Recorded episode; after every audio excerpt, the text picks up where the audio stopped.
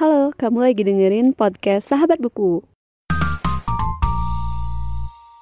Halo semuanya dan selamat datang kembali di podcast Sahabat Buku. Bagi kamu yang baru pertama kali mendengarkan podcast ini, podcast Sahabat Buku adalah sebuah podcast yang membahas review buku dan pengalamanku saat membaca buku. Nah, di episode kali ini aku akan membahas challenge pertama yang kemarin aku udah sempat umumin, yaitu tentang buku-buku yang aku baca dan juga adaptasi filmnya.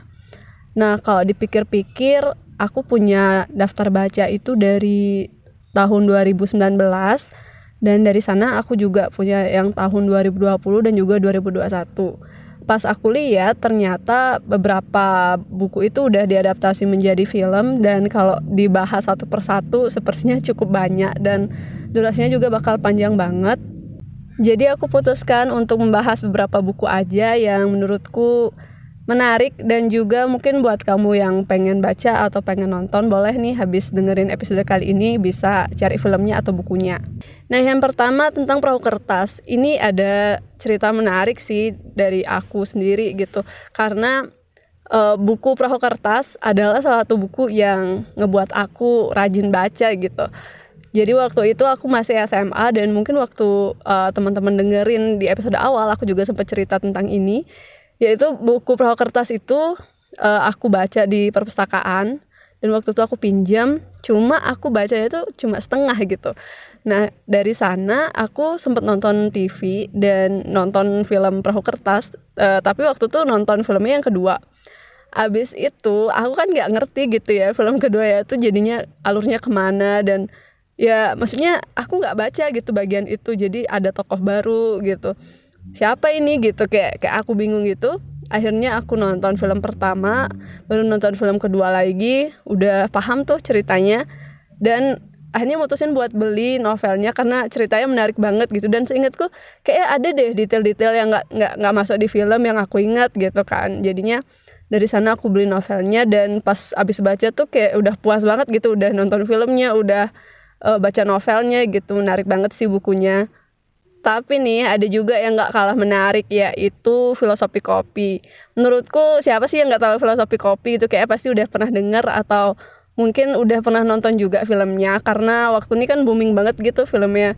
Terus dari aku sendiri baca buku filosofi kopi itu pas aku di perpus juga.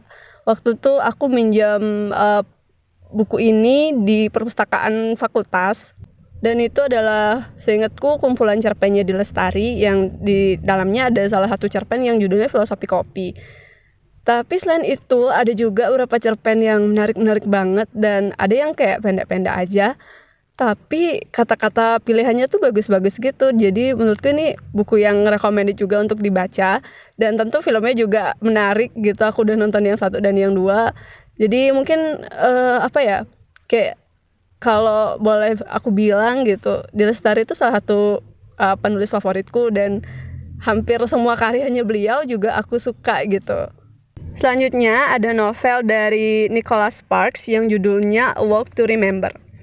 Ini novel yang mungkin baru-baru aku suka baca buku juga aku baca novel ini. Jadi uh, mungkin waktu awal-awal ya bisa dibilang. Sebenarnya mungkin sebelum 2019 tapi aku nggak nggak terlalu inget gitu dan ini menceritakan seorang perempuan yang uh, polos banget gitu. Tapi dia malah kayak berantem gitu sama cowok yang serampangan gitu tapi akhirnya mereka jatuh cinta. Jadi ini cerita cinta yang menurutku gimana ya so sweet banget sih filmnya. Dan di novelnya juga gimana ya diceritain gitu kalau uh, siapa namanya si ceweknya itu mengidap satu penyakit gitu Selanjutnya mungkin ini film yang nemenin kamu waktu kamu kecil juga sama kayak aku yaitu Narnia The Lion, The Witch and the Wardrobe karya C.S. Lewis.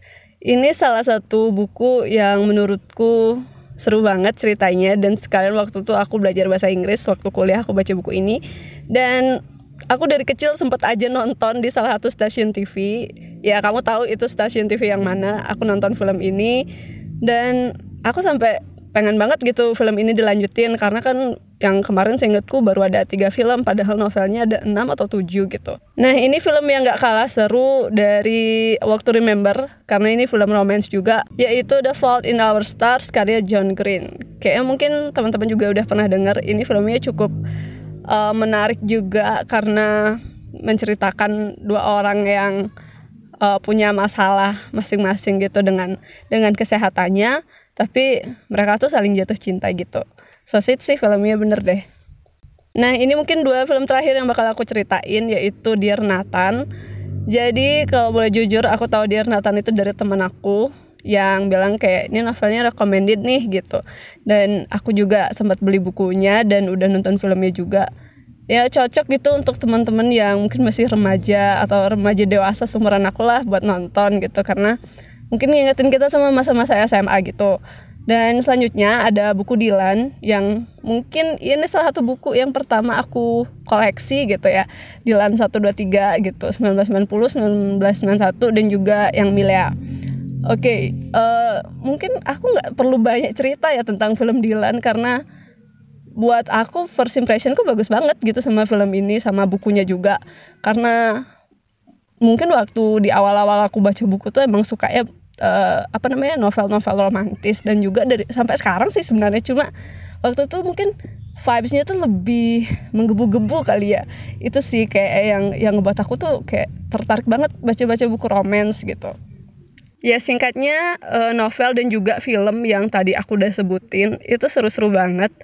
Uh, dan mungkin buat teman-teman yang mau baca boleh nih ke toko buku atau langsung order aja di di Shopee atau Tokopedia gitu dan apa namanya buat yang pengen nonton filmnya mungkin filmnya ada di uh, Netflix atau juga di Disney Hotstar aku kurang tahu karena kemarin aku banyak nonton di TV juga. Dan itu aja untuk episode kali ini. Terima kasih sudah mendengarkan. Sampai jumpa besok. Jangan lupa follow dulu ya